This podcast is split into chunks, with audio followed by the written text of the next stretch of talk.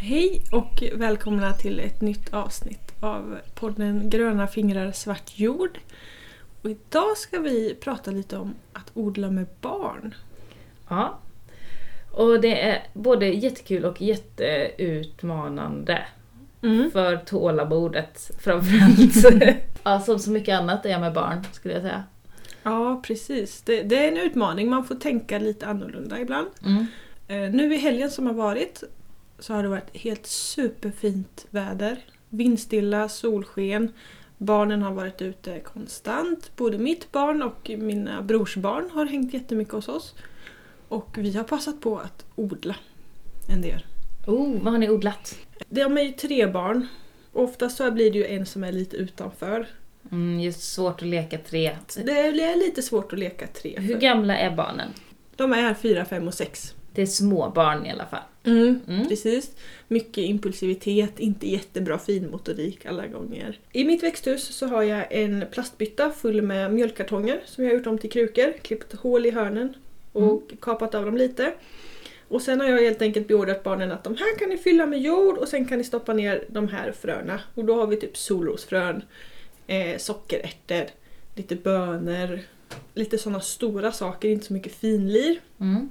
Eller också har de fått eh, fylla krukor med jord och sen har de fått sån här lite mer skräpfrön som inte gör något om de spiller ut halva påsen. Då. Vad skulle det vara för skräp? Då- Ja, men det är till exempel honungsfacelia. Just det. För de blir ju väldigt mycket frön av. Mm. Eh, det kan vara lite vallmo som man kan ta frön på själv och få, liksom, lätt kan samla mycket frön av. Mm. Det har varit lite ringblommor och tagetes som jag samlade förra året. Mm. Eh, lite persilja och sånt där som man ofta köper på sig mycket av. Mm. Just, det. Solrosor. Vi tar ju från hönsens solrosor. Just det, hönsmaten och bara strösslar ut det. Det är ju jättesmidigt. Ja, och då gör det inget om det blir mycket eller det blir fel eller det blir konstigt. Nej. Så, så håller barnen på så sår de typ tre krukor en natt och sen sticker de iväg. Liksom. Mm. Det är en sån sak som jag tycker är så skönt. Som du säger, där, att det gör inte så mycket om det blir fel. Att man måste ge barnen uppgifter som de klarar av. Och där det inte bara blir nej, nej, nej, gör inte så, ah! Och man blir hysterisk för att de sabbar ens plan på sådd. För det kommer de att göra på något Ja. sätt. Så man måste ju eh, se till att det blir en positiv upplevelse. Mm, att det blir kul. Mm. De tycker ju jätteläckert att se det växa upp sen. Mm. Just när det var honungsfaselian så strödde de ju ut, i, i tre krukor strödde de ut en hel påse honungsfaseliafrön. Och det är ju väldigt mycket frön Alltså vi har ju honungsfaseliafrön kvar sedan flera år tillbaka. Så att det, Det så här, tar de aldrig, slut. Nej, jag vet. Men det hällde de liksom ut i tre påsar och det är en tjock matta. Det är som en stor tuva i varenda kruka nu liksom. Jag tycker barnen är jättekul. Ja. Mm. Det blir perfekt sen Ja, för dina. precis. För de gillar ju honungsfacelia. Precis. Vi ska prata lite om hur vi gör när vi odlar med våra barn. Ja. Vi ska prata lite om barn och bin och vi ska prata lite om hur jag tänker när jag odlar med förskolan som jag är odlingsansvarig förälder på. ja, precis. Så vi har ju tre ingångar i dagens podd. Det blir spännande. Då har vi besök i podden idag. Av vem då? Vad heter du? Av Frej. Hur gammal är du? Fem. Tycker du om att odla? Ja. Ja. Vad brukar du vilja odla för någonting? Majs och pottlök och morötter. Ja, majs och purtlack och morötter, det är ju gott. Ja. Och dill. Mm. Har du några mer favvisar? Jag kommer inte ihåg vad de där eh, grönsakerna som var bredvid din illeplanta. Det är dill och koriander och persilja som vi har bredvid varandra. Och koriander och persilja tycker jag om. Ja, gillar ju dem att bara gå och smaska på dem. Ja, varje dag så bara går jag och smaskar på. Ja, vi har ju ställt dem rätt så lågt ner och rätt så nära så att du ska nå dem och kunna ta lite när du, när du vill. Du har ju med någonting också idag. Vad är det du har med för någonting? Vad har du för något i burken? Ska du visa för Mimmi? Ja, får jag den i handen här så ska vi se. Titta, det- och den glänser. Och den är len. Vad är det för någonting? Den heter väl yin yang-böna. En yin yang-böna. Vad ska vi göra med den? Om vi, om vi planterar den så får vi flera sådana här. Mm. Precis, så det ska vi göra sen. Och då kanske jag får tio eller hur det en, tre stycken. 10 eller 73 stycken. Ja. Titta, en hel burk kanske. Ja, kanske 14 meter hög med yin yang-bönor. Ja, Mm. kanske det. Du, bruk, Kanske så här hög. Mm. du brukar ju samla saker i odlingarna, eller hur Frej? Vad var det för något du samlade igår när vi höll på att fixa med landen? Kommer du ihåg det? Mask Jaså? Samlar du dem i en burk? i handen. I handen? Så de så här krallar omkring och kittlar? Ja. Vet du vad mitt barn brukar göra när jag gräver? Då går hon också på maskjakt. Men hon brukar göra räddningsaktioner för alla maskar hon hittar då och flyttar dem till ett annat land. Så tar hon dem i handen eller också samlar hon flera stycken i en burk och sen så gör hon ett litet hål någon annanstans och så häller hon i alla maskar där. Nej, jag brukar bara lägga alla maskar en gång och sen bara plocka upp dem. Och se hur många jag hittar. För då kan det komma flera maskar. Mm. Och då kan- kan jag försöka vara lite som en höna.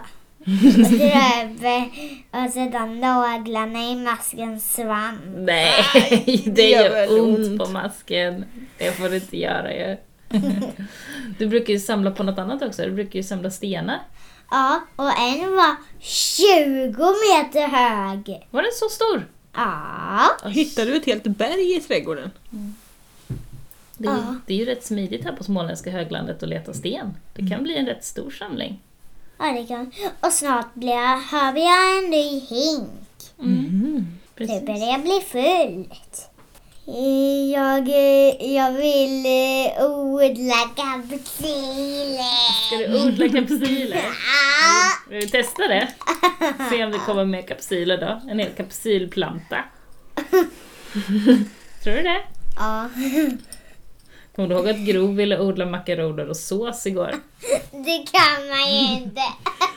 Vet du vad mitt barn ville odla när hon var liten? Nej. Hon ville odla potatis och sås. Och lite blommor med. Säg. Och man kan ju låta odla sås. Nej, men vi odlar det vi kan ha i såsen. Vi kan göra dillsås. Om vi odlar dill. Det är jättesvårt att få en dillveplanta. Man måste vänta i 10 och 11 och 19 och 21 dagar. Mm. Och vattna, eller hur? Ja. Men vattna är ju roligt. Frej, nu tycker jag det är dags för dig att säga hej då till poddlyssnarna och springa ut och leka med mormor.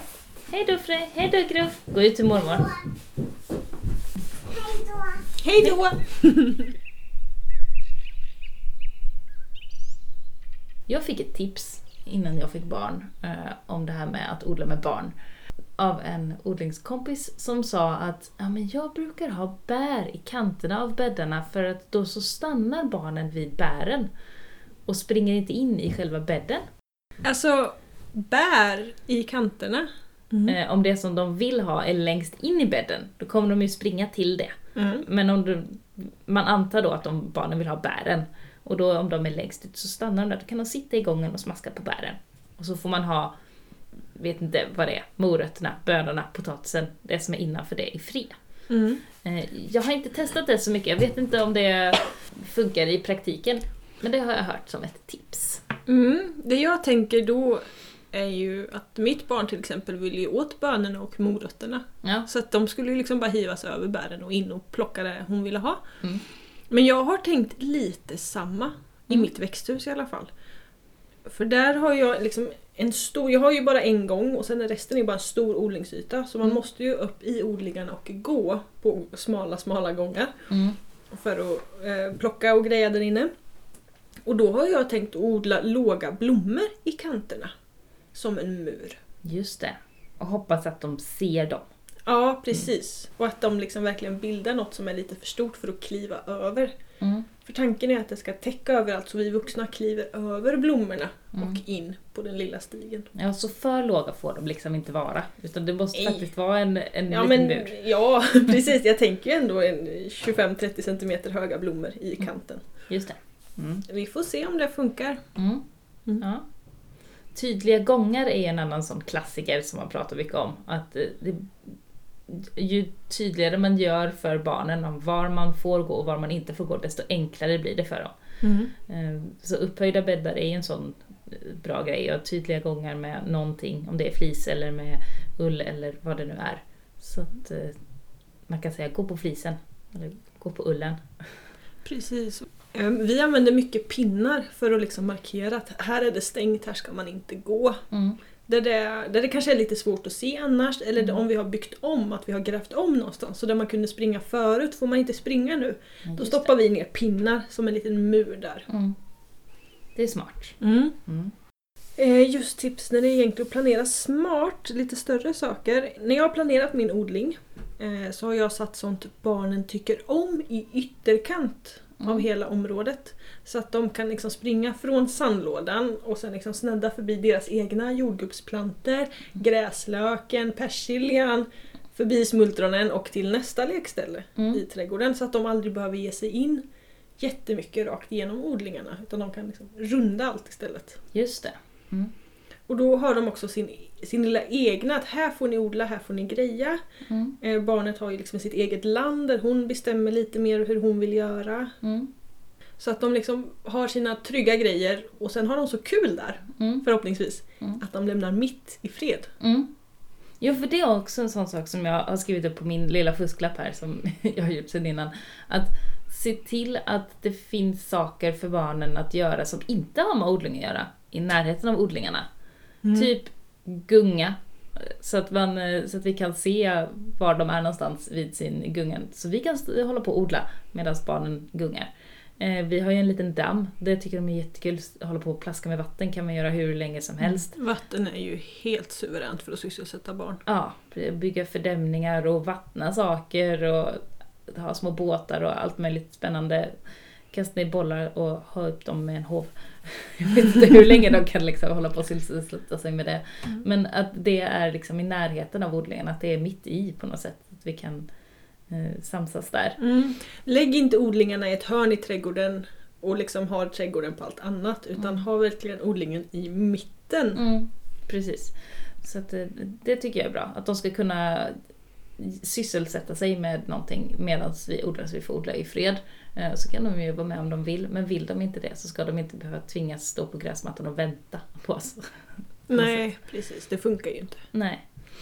Eh, Så ha sin egen utrustning har jag också skrivit upp som ett tips. Att ha sin egen lilla spade, sin egen hink, sina egna handskar, eh, sin egen skottkärra. Ha bra kläder överlag för att kunna vara ute och det leka. värsta som finns är ju när barnen blir kalla för att de har dåliga vantar eller vad som Mm. helst. Rejäla grejer så de håller sig torra och varma. Mm. Och att man får räkna med att det blir skitigt och det går sönder. Oh ja. För oh. det, det är ju så, det är något av det tråkigaste jag vet. Barn som har för fina kläder som de inte får göra något. Ja, eller hur. Det är så trist. Jag sliter mitt hår! Alltså det är klart ungarna ska vara skitiga. Det är klart de måste få leka liksom. Ja, precis. Mm. Och riktiga verktyg och Mm. låt dem få testa. Alltså mina barn älskar ju att klippa saker. Ja. Sekatören är ju, alltså, och grensaxen är ju det roligaste de vet. ja. Frej som nu är fem, men för något år sedan eller två år sedan kanske det var, så tog han sekatör, gick ut och klippte ner hela min pion. Eh, Precis innan den skulle blomma. Det får man ta. Ah, jag hade en gång en pion, tänkte jag. så, Ja, jag klipper alla de fina blommorna. Bara klipp av, klipp, klipp, klipp, klipp. Ja, för sånt händer ju. Jag vet när jag hörde, jag tror det var Sara Bäckmo som pratade om någon gång, det här med odla med barn. Hon har ju också flera jättebra videor där hon pratar om hur hon tänker. Mm. Men jag tror det var i någon, av annan, någon annan av hennes videor hon sa att barnen hade sprungit in och frågat om de fick klippa ner solrosorna när Mm. hon stod och lagade mat. Mm. Absolut, sa, han, sa hon. Ut och klipp ner solrosorna. Och sen bara, men vänta nu. Vi odlar inga solrosor i år. Mm. Och då hade barnen sprungit ut i september Mm. och klippt ner alla jordärtskockor precis när deras tillväxtperiod sätter fart ordentligt. Så det blev ju ingen skörd att tala om överhuvudtaget det Nej. året. För de har liksom klippt ner allt med rubbet. Mm. Men det är ju, alltså, det är ju kul i efterhand. Ja, ja det, men man Just- får ju vara liksom lite sådär, alltså vissa saker är ju så jobbigt som jag minns vi pratade i somras om det här med incidenten med pumpan när barnen Ja. tog min pumpa och sådär.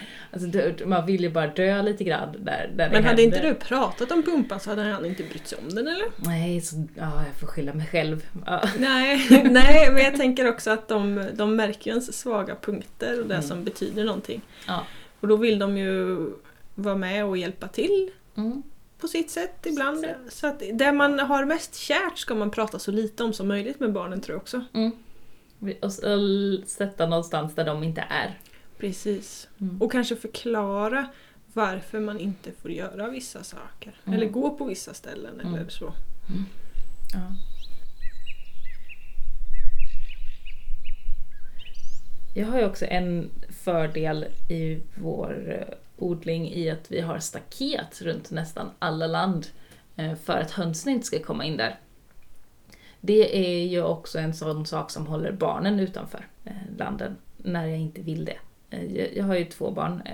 Femåringen börjar fatta nu. Men hon som är två och ett halvt, nej, hon springer fortfarande på och går överallt och hur mycket jag än säger åt så det går ju liksom inte in när de, de är ju små. för små. Ja. Mm.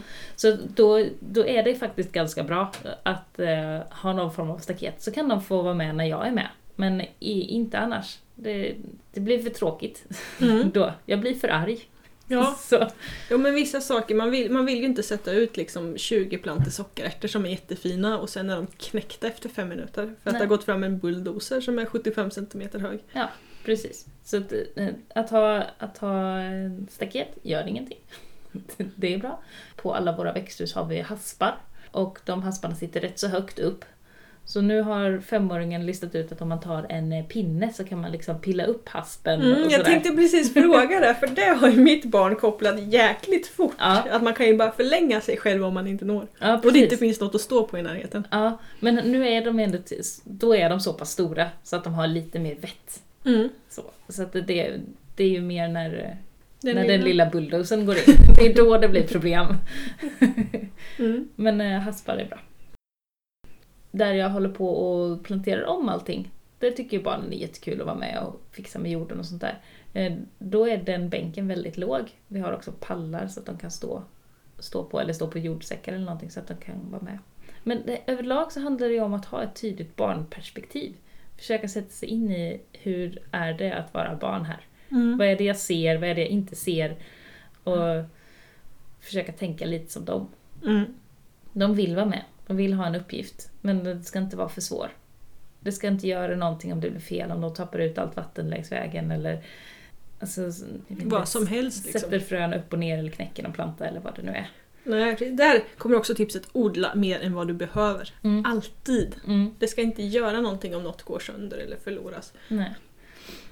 Överlag har ju inte jag en jättestrikt och planerad odling. Jag funkar ju inte så. Och det är ju också bra för barnen. För då, Mm. är inte, blir inte jag så himla sur när någonting inte blir som jag hade tänkt. För jag hade kanske inte tänkt så mycket. precis, ja, ja, vi gör på något annat sätt, det löser sig. Det löser sig, precis. Mm. En sån sak som att odla vitlök har ju eh, Frej alltid varit med på. Eh, och då har vi uppdelningen att eh, jag gör ett litet hål med spaden, han tar vitlöken, slänger ner den i hålet och så bara släpper jag på jord igen. Så Mm. gör ett nytt hål. Han sätta ner vitlökarna. Spelar ingen roll åt vilket håll de hamnar. De vänder ju på sig. De gör det. Det gör ju alla lökar. Ja. Jag hörde att det var ett knep om man vill ha senare blomning av tulpaner och sådana vårlökar. Att man vänd, sätter lökarna upp och ner. Jaha. Så, så förlänger man blomningen för de som måste vända på sig tar liksom lite tid för dem att vända runt. Och då Just kommer de det. upp och blomma lite senare. Det är ju smart. Så Mm. har åt, har åt lite olika håll. Mm. Ja. Och överlag ha stora frön. Till barnen ja. Mm. Mm.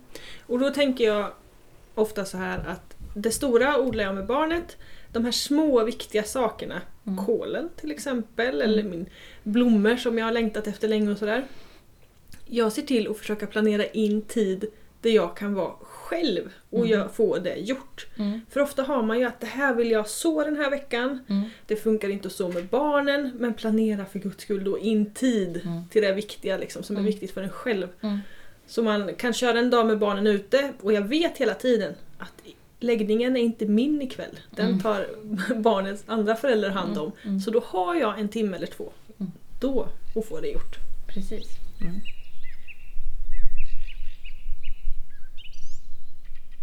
En annan planeringsgrej som jag har tänkt nu när jag har försökt lägga upp en plan över hur, vart jag ska odla var och så. Det är att sätta de dragväxterna jag odlar Mm. långt bort från där barnen springer. Just det. Att jag sätter inte honungsfaselian vid barnets smultron och spenatland till exempel. Nej. Utan jag sätter dem i andra änden. Mm. För, för att minimera riskerna för stick eller, eller bara barnskrik. Jag har ju ett par barn omkring mig som är ganska känsliga för insekter. Mm. Som inte är så lugna när det kommer till dem. Ja, dragväxter är alltså det är sådana växter som drar till sig insekter måste vi säga också. Ja, precis. Alla möjliga former av pollinerare och nyttodjur. Mm. Mm. Ja. Och de ska inte vara precis där barnen är. Ja, det är smart. Det Mm. är väldigt smart. Ska vi köra lite Biskolan 3?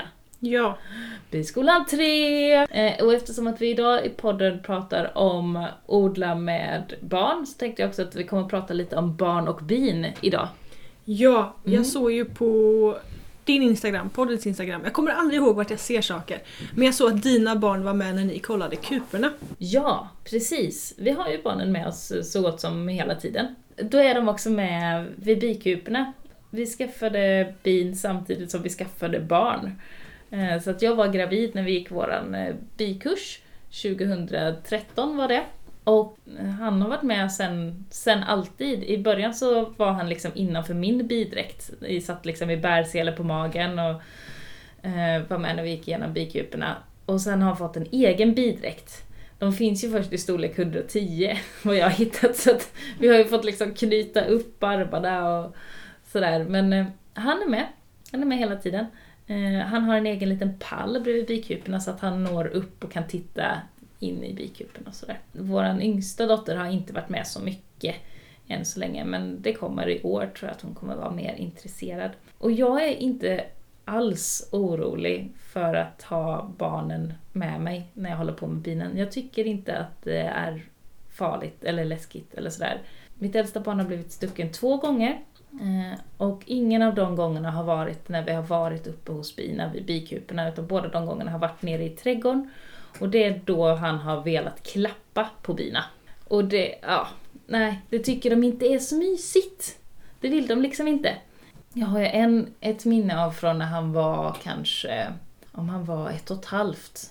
Så höll jag på att fixa med någonting i trädgården och sen helt plötsligt var, var, var, var han försvunnen. Var är ungen? Liksom. Man släpper blicken en liten stund och sen är han borta. Eh, och jag går runt och letar och så ser jag att han står uppe vid bikuporna precis framför liksom, eh, in och utgången till bikupan och står där och slår på själva bikupan. Och han har ju då ansiktet i, i liksom höjd med in och utgången till bikupan. T-shirt, kortbyxor. Inte ett bi var på honom. Hur lugnt som helst. Så man får se till att ha snälla bin också. ja men det, man kan uppfostra dem lite höll jag på att säga, men det beror på drottningen vilket beteende de har. Så har man ett väldigt aggressivt bisamhälle så byter man ut drottningen till en snällare. Så Mm. kommer bin att lugna ner sig. Det är som med höns, fast där är det ju tuppen som sätter an tonen väldigt mycket. Precis, så man får se till att ha lugna bin. Lugna ledardjur så löser det sig. Ja, precis. Mm. Vi har bikuporna i vår trädgård, det är kanske 15 meter från huset. Och vi har då in och utgången från bikuporna, det vetter ju mot huset, mot där barnen är och leker. Eh, Men precis framför bikuporna, kanske de närmsta fem meterna framför, är det väldigt vildvuxet. Det växer upp en hel del buskar och högt gräs och så. Så barnen är aldrig där framför och leker. Ehm, man kan se det lite som de här meterna framför bikupan är ju som deras, binas eh, landningsbana eller där de flyger in och ut. Där vill de gärna ha lite fritt. Ehm, och om det är någonting där så är det ju liksom mer troligt att man blir stucken framför bikupan då. Eh, men vi ser till att där finns det liksom inget roligt för dem att leka med. Eh, och då är de inte där. Vi har inga gungor i närheten, vi har inga leksaker där uppe, utan det ska vara lite tråkigt att vara uppe vid bina när inte vi är med. Barnen får vara med vid bikuporna när de vill. Det är inget som vi tvingar dem till, men eh, ofta vill i alla fall äldste sonen vara med. Och då har han en uppgift i bigården. Att han har en vattenflaska, en vanlig sån här sprutflaska. Och hans uppgift är att spruta vatten på bina. För då lugnar de ner sig.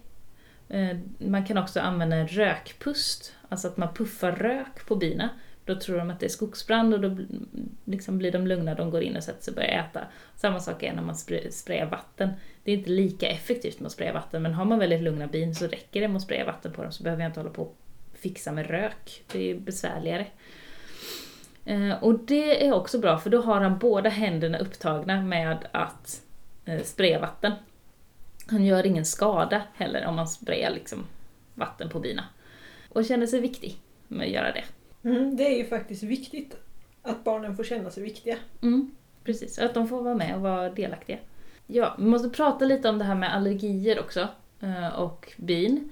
Man kan ju vara allergisk mot bin. Det är inte säkert att man vet om det. Och på det sättet är det lite riskabelt. Eh, vad jag har hört så säger man att första sticket man får från ett bi märks det inte om man är allergisk eller inte. Men på andra sticket då märker man det. Om, om man får en kraftig reaktion då så kan det ju vara att man har en allergi. Och det, det kan ju vara dödligt. Liksom. Man kan ju vara så allergisk mot bin så man inte klarar sig. Är man allergisk mot getingar, vet man om det, så är det ganska sannolikt att man också är allergisk mot bin. Men det behöver inte vara det, för det är inte riktigt samma gift, men de är ju besläktade med varandra. Så då ska man vara extra försiktig. Om man själv är allergisk mot bin eller eh, getingar eller om man har barn som är det. Så då kanske det inte är att rekommendera att ha bin i trädgården. Det om bin och barn. Har du några tankar, reflektion, så? Nej, det är väl just det där med allergierna och just sticken som många tycker är otäcka. Liksom. Mm. Jag upplever att jag har väldigt många vuxna omkring mig som är rädda för bin och sprider den rädslan till barnen. Ja. Och som själva inte vet hur bina, eller getingar eller några andra sticksiga djur fungerar. Nej. Alltså jag blir ju stucken flera gånger per sommar när jag går igenom bina. Oftast är det att jag råkar klämma något bi. Liksom. Eh, och då sticker det mig. Såklart. Bina dör ju när de sticks. Det är arbetarna som sticks. Så att de vill ogärna sticka. De sticker liksom inte i onödan. De kan inte sticka flera gånger så som andra steklar kan göra. Utan de sticker en gång och då går gadden av från kroppen och då dör de. Så man ska kolla också, om man får ett stick, sitter gadden kvar? För gör den det, då ska man ta ut den för den fortsätter pumpa in gift så länge gadden sitter kvar. Det är liksom själva gadden och den här giftblåsan som går av. Så, och så har man till exempel, jag brukar ha diskhandskar på mig när jag går igenom bikuporna. Så då, då är det viktigt att kolla så att inte gadden sitter kvar i handsken eller någonting. Eller om de får liksom stick genom kläderna eller sånt, se till så att, de inte, att inte gadden sitter kvar i, i tyget. Men bin sticks inte bara sådär, utan det är om de verkligen känner sig hotade. Så man ska inte reta dem. Men annars är de inte farliga, de är inte aggressiva. Oftast. Ja, men sen så gör det ju jätteont att bli stucken. Det är klart det gör. Eh, Jag blir ofta stucken på händerna. Det måste ju vara helt hopplöst. Ja, och jag, det liksom bränner till och gör eh, ont och sen så gör det lite mer ont, sen så går det ner och sen så går det ont, gör det ont igen. Alltså det kan ta några dagar där att det liksom svullnar upp och sen så blir det, mm, blir det Mm. bättre och sen så kommer det tillbaks och sådär. Och det är klart att det gör, men det är inte så, man klarar sig. Det är inte värre än, än så. Det, det är jobbigare att ha mensvärk eller någonting. Det, är liksom, det finns grader i helvetet. Så, och det är ju farligare, alltså det är fler som dör i trafiken än som dör av bin. Liksom. Ja, Så att eh, man får ju välja liksom sina, vad man är orolig för. Mm. Just nu i bigården så händer det väldigt mycket. För nu har ju våren äntligen kommit. Och då har bina börjat flyga ut. Då gör de sin rensningsflygning, alltså de åker ut och bajsar för första gången på hela vintern. Vilket ju är- kan man ju tänka sig är väldigt skönt för dem. Eh, de tar också och städar ur kupan, tar ut alla döda bin. Det börjar bli mycket mer aktivitet. De börjar leta efter pollen. Eh, förhoppningsvis har de en del sockervatten eller honung kvar från, eh, från vintern. Det har vi kollat igenom så att våra bin har, så det är skönt. Eh, Vi vet att de klarar sig. Men de behöver pollen. Det är binas protein som de ger till ägg och larver. Eh, För att de här ska kunna växa till sig. Eh, Och det är det som de är ute och letar nu bland alla blommor. Säljen är ju en av de första eh, som slår ut. Nu kommer väl allt slå ut samtidigt kan jag tänka mig eftersom att det har varit så sent. De vill ha pollen som är binas egna protein för att kunna mata sina yngel så att det förhoppningsvis ska bli fler bin. Och jag har med mig här, jag har med mig pollen, Mimmi, Ja! i den här lilla burken. Hör ni? ja! Har jag plockat från förra året i våran bikupa. Det ser ut som små vinkorkar. Jätte, jättesmå finkorkar. Ja, ytterpytte till Barbieflaskor kan vi kanske säga. Ja. Ja. Det är ju inte såna här gula, runda, tjusiga saker som man kan köpa eh, Inte små dyrt bollar liksom. Nej. i diverse hälsokostaffärer. nej. Det ser ut som små, liksom, små korvar, små kluttar liksom. Mm. Luktar nästan nypon. Det är mycket möjligt att det är nypon. Pollen kan ha väldigt Mm. olika färg. Just det här är mest gulbrunt sådär. Eh, Men det, det kan vara blått, det kan vara rött, det kan vara grönt. Det kan ha alla möjliga färger beroende på från vilka blommor det kommer. Och det innehåller ju väldigt mycket protein så det är väldigt dyrt med pollen. Det är många muskelbyggare och sånt som vill ha pollen. Eh, Så att eh, det är ju en affärsverksamhet om man vill hålla på med det. Jag tycker mest det är roligt. Jag säljer ingen pollen men eh, det är kul att kunna ta tillvara på det. Kan man sprinkla lite över gröten när man vill bli stor och stark. När man preppar för vårens tunga arbete i trädgården. Ja, precis. Mm. Så pollen vill bina ha. Vi gör en liten eh, genomgång av bikuporna nu när det är plus 14 grader.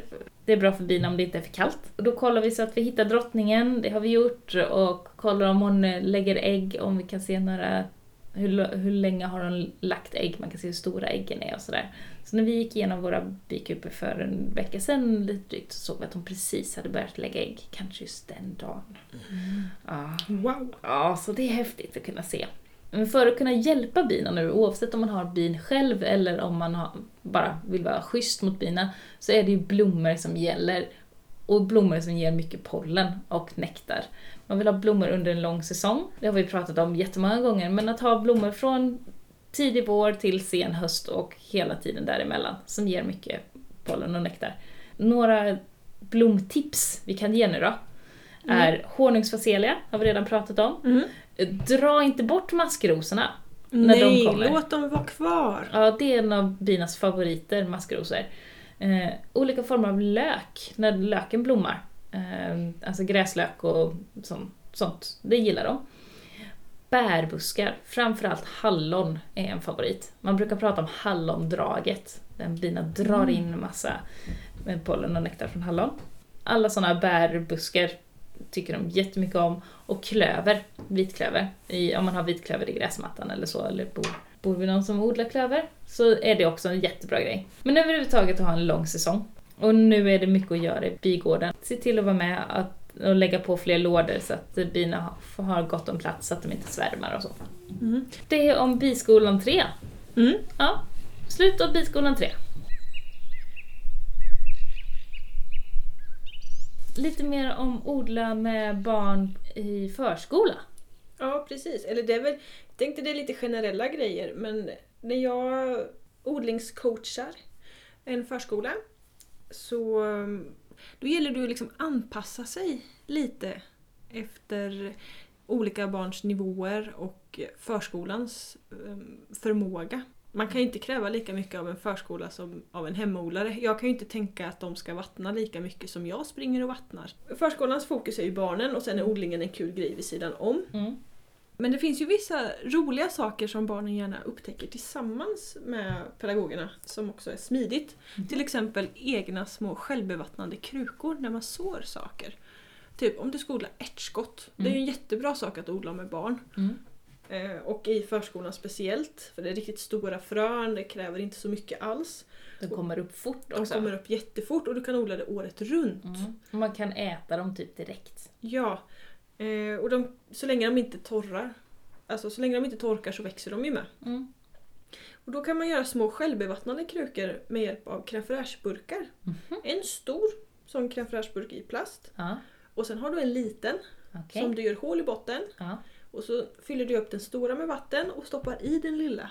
Aha. Och sen lite jord och lite ärtskott. I den lilla lite- liksom. Ja precis, lite jord och lite gula ärtor i den lilla. Mm. Så suger den upp vatten från den stora. Ah. Och sen vartefter kommer ju rötterna leta sig ner. Så när man lyfter på den lilla sen så kommer det hänga som rottrådar ner i vattnet. Coolt. Mm. Mm.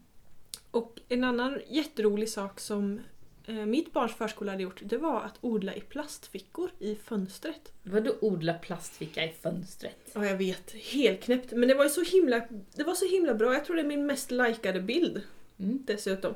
De hade tagit vanliga plastfickor, Mhm. så hade de lagt i någon näve jord i dem Mm. och lite frön, lite olika. Mm. Lite vad de fan hittade i köket tror jag. Mm. Lite gula ärtor och lite allmänt småkrafs sådär. Och sen hade de fyllt på med lite vatten och tejpat upp dem i ett västerfönster. Mhm. Och sen spirar det där och då ser man ju rötterna som utvecklas och de här små växterna som spirar. Så det blir nästan liksom odling i genomskärning. Ja, just det.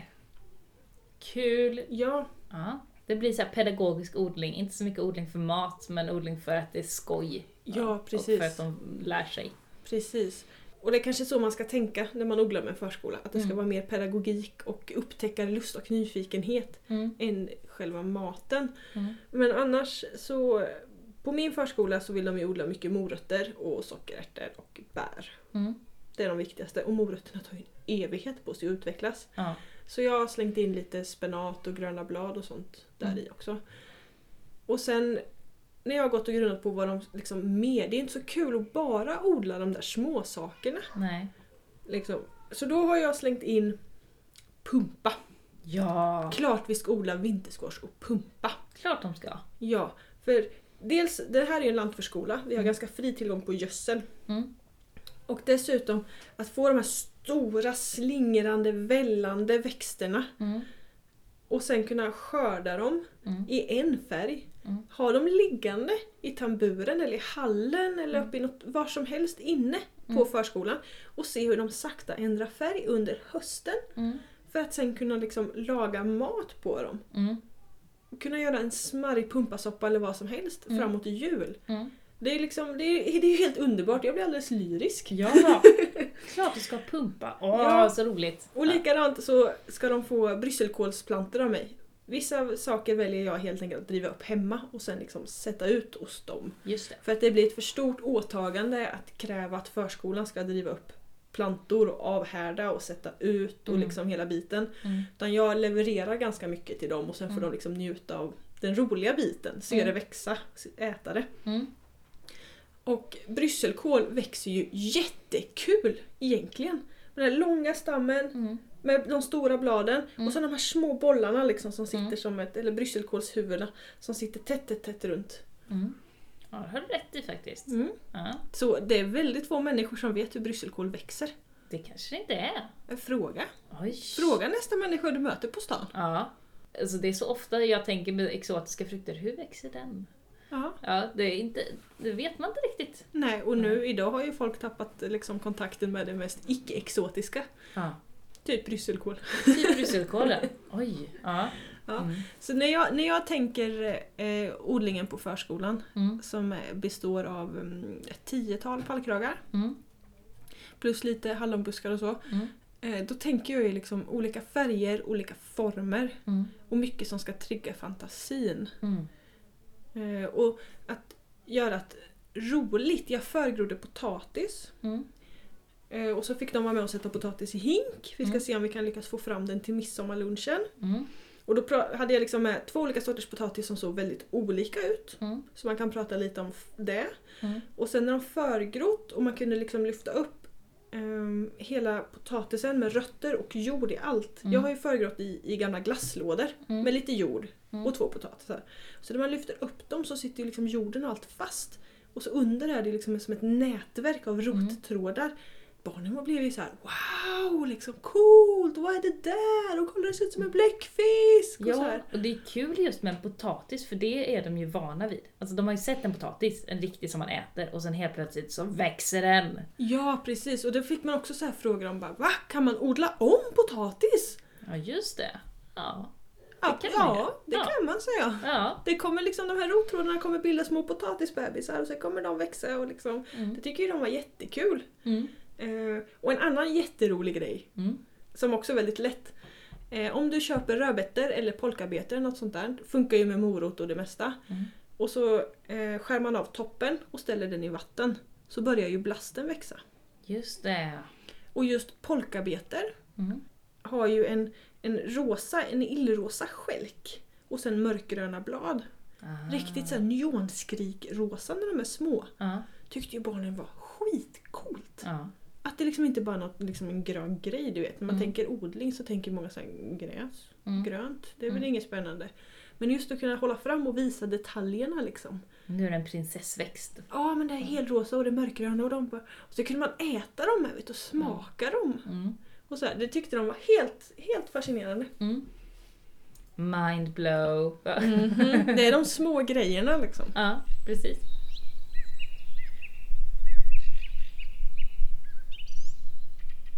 Jag har ju jättesvårt att få eh, mina barn att äta överhuvudtaget, höll jag på att säga. Det har väl alla föräldrar tror jag kanske har problem men med. det är extra retligt när man som odlare har barn som vägrar äta Ja, grönsaker. precis.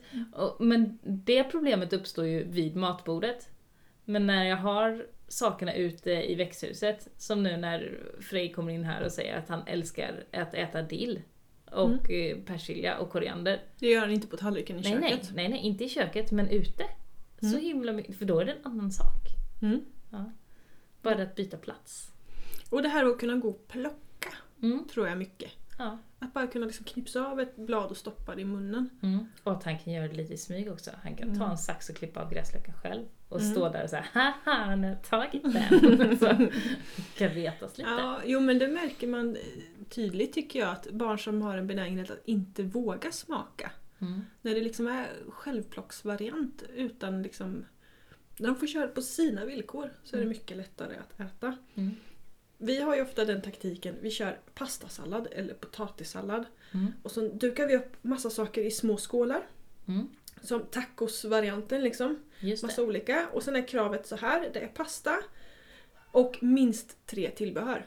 Okej. Så får man välja fritt. Ketchup räknas inte som ett tillbehör dock. Nej. Utan det är pasta och tre saker. Så Mm. de får välja helt själv och hur mycket och vad som helst. Bara de tar tre olika grejer. Mm. Och då börjar de alltid med majsen. Mm. Och sen lite äpple kanske. Men sen den där vitkålen såg ju lite, ja den tog ju mamma mycket av så den plockar jag också av. Och sen Mm. helt plötsligt så sitter de liksom med en tallrik som är en slev pasta och sen är det åtta olika grönsaker. Mm.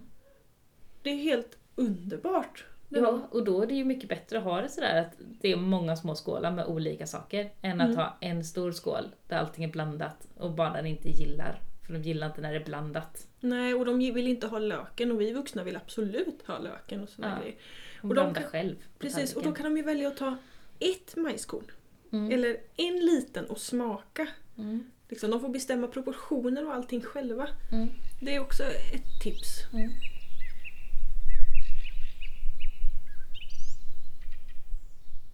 En annan sak när det kommer till det här, det här tycker jag hjälper barnen att äta av grejerna också. Mm. Det är att man gör det ganska lustfyllt och lek. Mycket fantasi och lek. Mm.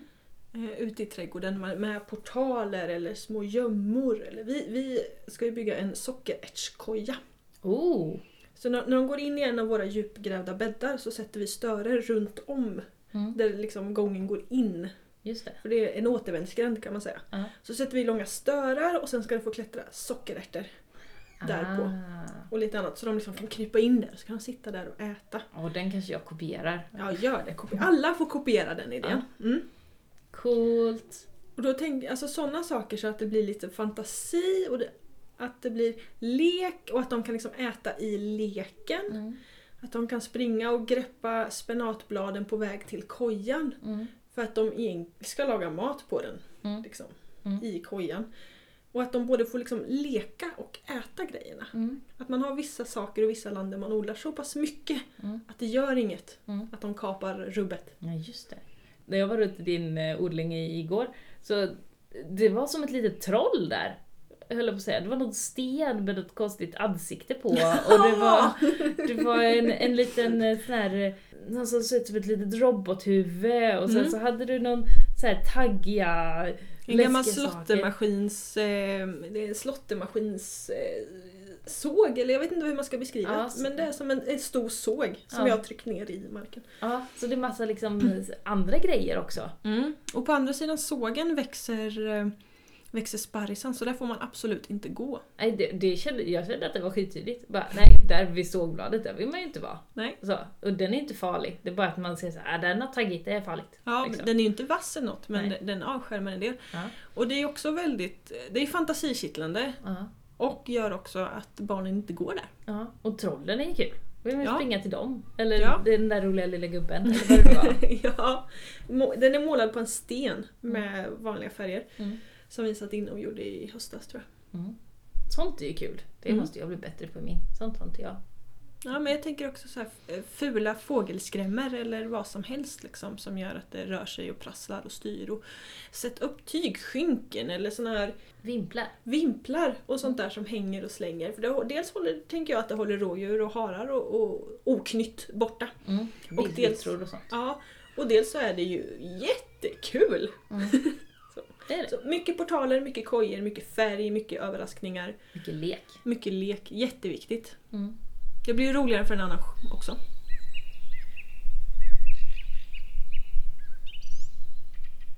När jag odlar både på förskolan och hemma så Mm. har jag som mantran och prata om hur man ska vara rädd om naturen och växterna och Mm. maskarna och hur viktiga allting är. Mm. Att avdramatisera insekterna och de här slemmiga krypen och allting. Mm.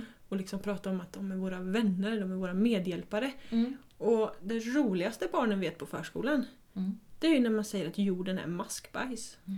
Ja, det är så tokigt. Alltså barn älskar ju allt som har med kiss och bajs att göra. ja. Och att då liksom prata om det att, att eh, maskarna, vi matar ju maskarna. I höstas matade vi maskarna med massa löv och massa hönsskit och grejer i odlingslådorna. Mm. Så att de skulle käka, käka, käka hela vintern och bajsa ut jord till växterna som vi sätter nu. Mm. Och det nappar ju barnen på stenhårt. Mm. Och tycker det är jättekul. Och de börjar springa runt och leta maskar överallt och Mm. kommer maskar i händerna liksom. Och Mm. sådär. Ja, maskar är jättekul. Ja.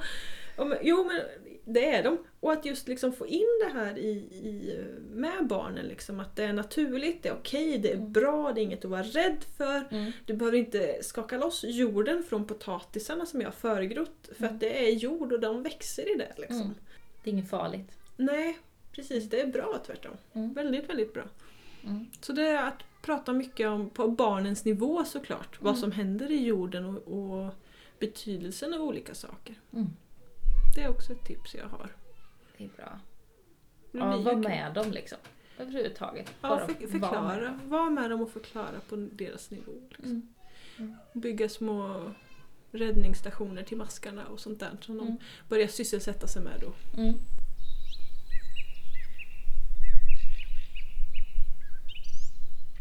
Den eh, 19 maj Mm. kommer vi vara här igen i målarstugan för då är det plantbytardag. Ja, Ja, så då är alla välkomna hit. Och oavsett eh, om man bor där eller långt bort. Ni vet att det är i alla fall. Så får vi se om ni dyker upp. Ja, eh, då finns det möjlighet att köpa massa tomatplantor av mig till exempel. Jag Mm. vet inte vad som kommer mer, men eh, det finns säkert massa annat roligt. Mm. Mm. Det, jag, jag har inte en aning om vad jag kan avvara än. Nej, vi får se. Det är ju ett tag kvar till dess. Precis. Men 19 maj i Målarstugan i Tranås, plantbytardag. Vi kommer vara här. Mm. Det blir roligt. Det blir jättekul.